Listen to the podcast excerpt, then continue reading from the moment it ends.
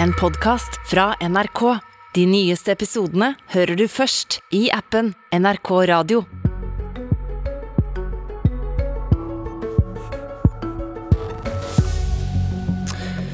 Det rød-grønne samarbeidet ble gjenfødt i går, men med SV utenfor regjering denne gang, for de trodde på større gjennomslag for sine hjertesaker på den måten. Hvordan gikk det? I går ble regjeringspartiene enige med SV om et statsbudsjett for 2022. Får si gratulerer med det, SV-leder Audun Lysbakken. Tusen takk. Vi skal se litt nærmere på de to sakene dere mener var viktigst å gjøre noe med, klima og ulikhet. Og da vil jeg begynne med oljeleting, som dere hadde som mål å stoppe. SV mener eh, Norge må la olje og gass ligge, fordi verden har funnet mer enn klimaet tåler. Du sa dette var en av de viktigste grunnene til at dere forlot Hurdal og ikke ble med i regjeringen. Eh, nå får dere stanset 26. konsesjonsrunde. Dette er da tildeling av leteareal i såkalt umodne, ukjente områder. Men kun for ett år. Eh, dette er ikke noe varig endring av oljepolitikken? Nei, men Det er jo sånn med en budsjettavtale at den er for ett år. Eh, så det vi kan styre, er jo i stor grad det som skjer i 2022. Eh, og Da blir det jo opp til oss da å prøve å få det gjentatt i årene som kommer. Nå tenker jeg at dette er jo mener jeg et viktig steg, for det viser at også vi som vil ha en annen oljepolitikk i Norge, kan sette vårt preg på politikken. Eh, kan sørge for at den delen av velgermassen, og det var det mange av i høst, blir hørt. Så er det jo selvfølgelig langt igjen til en oljepolitikk vi mener er bærekraftig, men det er et tydelig signal, eh, et tydelig gjennomslag, og som jeg også ser at eh, miljøkreftene gleder seg over. Og så er det jo altså kombinert med betydelige investeringer i grønn industri. For en av de viktigste grunnene til at vi ønsker dette, er jo ved siden av klimaeffekten at vi er dypt bekymret for at den overinvesteringen i olje veldig mange av de andre partiene har stått for, kommer til å skape store utfordringer for arbeidsplassene i industrien noen år inn i framtiden. Nesten, nesten alle nye letetillatelser skjer utenfor disse konsesjonsrundene som dere får stanset nå for ett år, eh, men i det som heter TFO-rundene, i områder der det allerede er olje- og gassvirksomhet. Hva får dere gjort med dette? Nei, men Det er jo helt riktig, og det er jo en av grunnene til at SV er et opposisjonsparti. Eh, er jo uenigheter på dette området. Eh, det er jo ikke sånn at vi har blitt enige om alt nå. Eh, vi, Spørsmålet var hva får dere gjort med dette? I budsjettavtalen så er det ingen endringer der. Så det blir jo en fight vi må ta når en kommer til neste sånn utlysning. Men, men, men ærlig talt, det, det, dette var jo sjansen deres det var nå dere kunne gi regjeringen flertall eller ikke, så dette har dere da ikke fått til. Du kan ikke si at den kampen tar vi senere. Men jeg tror ingen har forventet at SV alene skulle få stanset all oljeleting på norsk sokkel. Jeg tenker at De som er opptatt av dette, ser at nå har vi greid å få til et steg som jeg egentlig ikke tror veldig mange trodde vi skulle få til nå. Eh, det viser at vi kan bruke den makten vi har utenfor. Vi kommer heller ikke i fortsettelsen til alene å klare å stanse all oljeleting, men nå er vi altså i en posisjon hvor vi kan både få til konkrete endringer i, gjennom samarbeid med regjeringen, men hvor vi også står fritt til å jobbe for større endring. For det trengs faktisk. Fordi det rett og slett er sånn at det er funnet mer fossil energi i verden enn det vi kan brenne hvis vi skal unngå katastrofal global oppvarming. og det gir det ikke mening å lete etter mer fossil energi. Nei, men du sier at kan, SV kan ikke stanse all oljeleting, men er det rimelig med å konkludere med at SV skriver under på nå at det vil letes nesten like mye som før? Etter olje og gass i Norge? Nei, fordi denne budsjettavtalen gjelder det som står der. Eh, da eh, stopper vi 26. Eh, konsesjonsrunde neste år. Og så står jo SV på vår politikk og står fritt til å være mot de andre utlysningene. Og det kommer vi til å være hvis regjeringen kommer med det.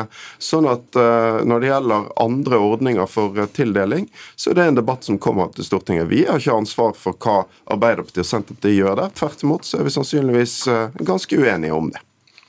Tror du det dere har oppnådd nå, er å stanse noe mer enn bitte litt av norsk oljeleting? Det er et viktig steg for det første gang det skjer. Eh, og det er et vendepunkt, det. Så har vi aldri sagt at dette er nok, men vi har sagt at det er en milepæl sånn sett. Eh, det betyr mindre leiting enn det ellers ville vært, eh, og det er første gang eh, de partiene, de kreftene i det norske samfunnet som ønsker å sette bremsene på, høres på den måten. Ok, de bremsene da, Historisk så er det vel da kanskje 4-5% mens 95% av letingen det har dere da ikke fått til i denne, denne avtalen? Knut... Jo, altså jeg tror ingen hadde forventet at SV skulle stoppe all oljeleting. Nei, men Dere eh, stopper nesten ingenting. Du sier all oljeleting. Jo, men vi tar et betydelig steg. og så kan jeg, Poenget sant?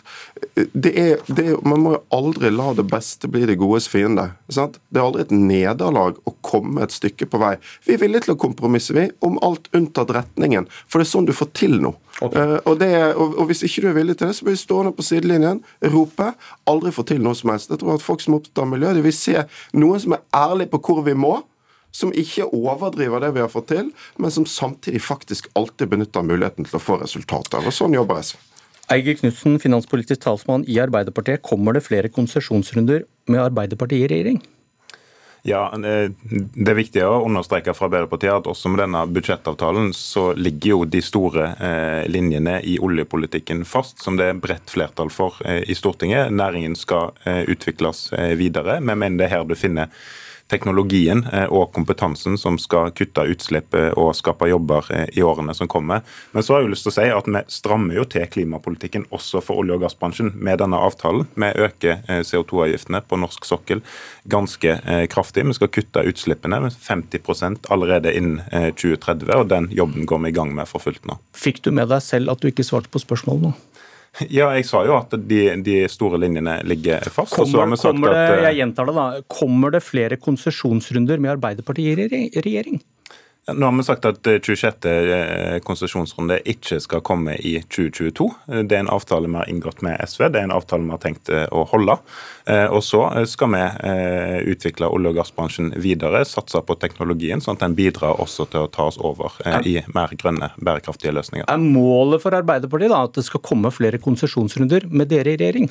Ja, så Arbeiderparti-Senterparti-regjeringen ønsker å fortsette leteaktivitet på norsk sokkel for å utvikle næringen, utvikle teknologien, utvikle eh, kompetansen eh, som er der. Eh, men vi skrevet under en budsjettavtale som sier at vi ikke skal utlyse 26. konsesjonsrunde i 2022. Eh, kan dere få til det første du sa der, med, hvis dere skal samarbeide med SV videre?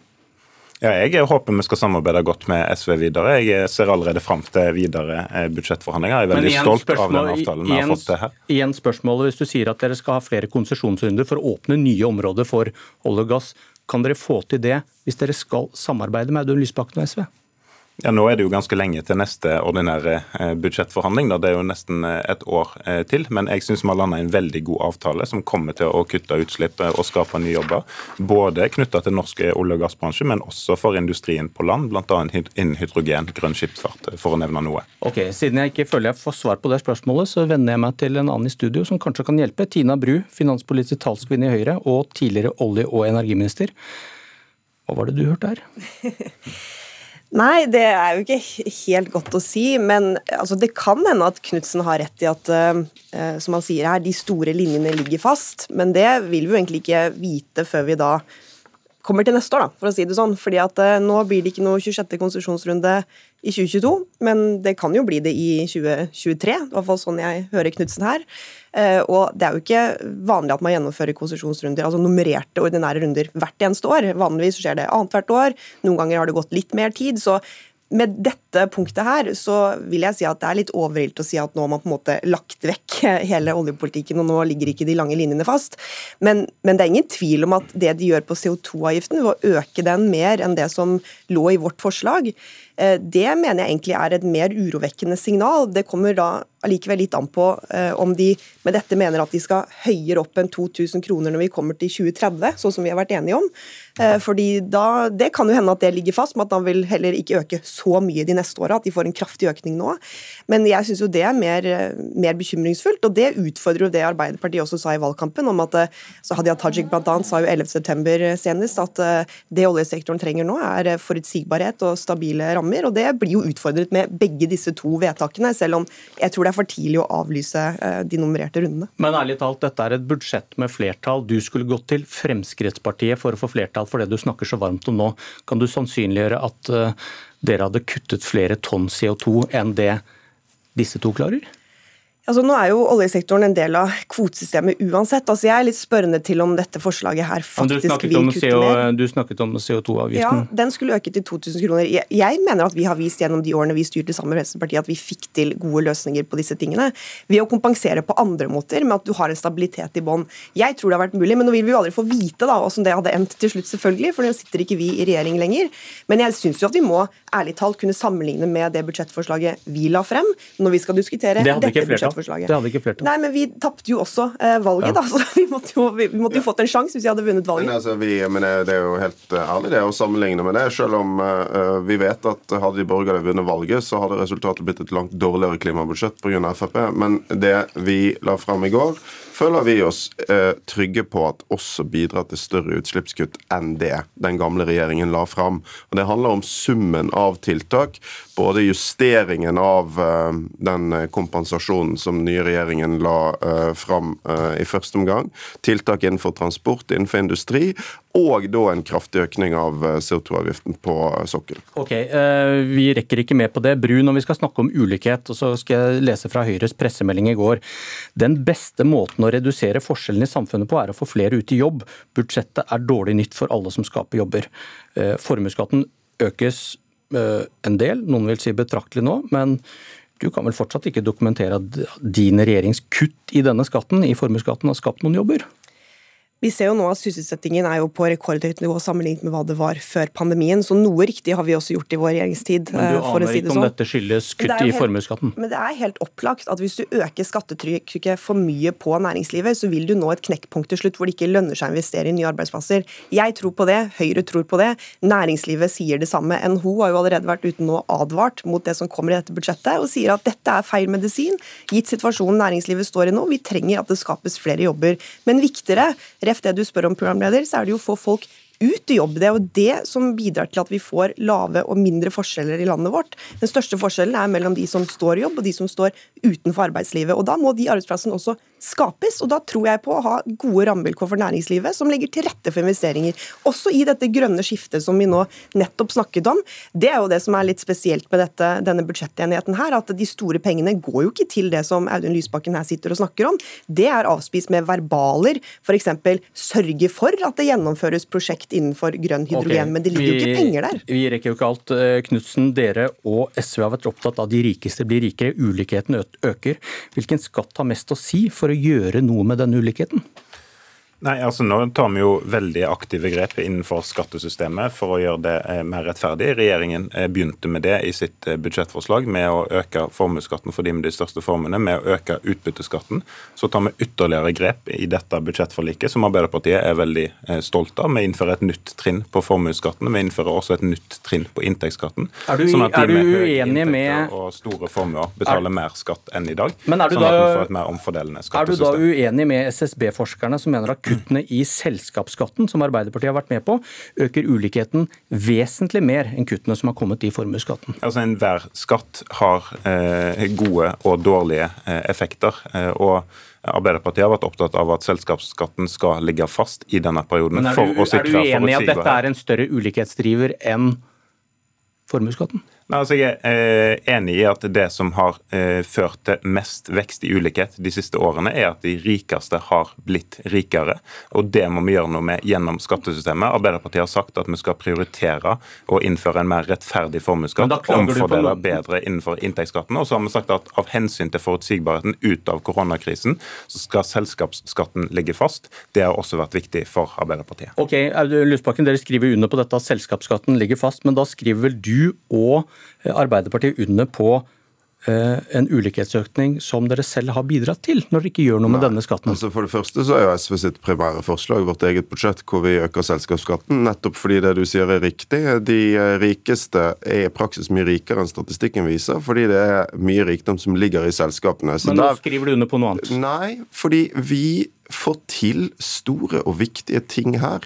Formuesskatten øker, skatten på de høyeste lønningene øker, eh, og vi får altså ryddet opp i det ene usosiale kuttet etter det andre som Høyre sto for. Selvfølgelig skriver jeg under på det, for det betyr noe for folk. Det skaper forandring. Og så spør du meg fins det andre ting vi gjerne vil gjøre. Fins det ting vi er uenige med Arbeiderpartiet? Selvfølgelig Arbeiderpartiet bør endre syn på selskapsskatten, for da får vi gjort mer på ulikheten. Men det er jo ikke sånn at fordi vi ikke kom i mål på det, så lar jeg være å rydde opp i alle de usosiale kuttene som ligger igjen etter Tina Bru. Tenk på, tenk på uføre som nå får barnetillegget tilbake. Tenk på barna som får brillestøtten, de fattige familiene som får mer å leve av. Det er det det handler om for oss. Takk, Audun Lysbakken, Eigil Knutsen og Tina Bru. Masse mer å snakke om i dette budsjettet. Vi kommer tilbake til det. Dette var Et politisk kvarter. Jeg heter Bjørn Myklebust.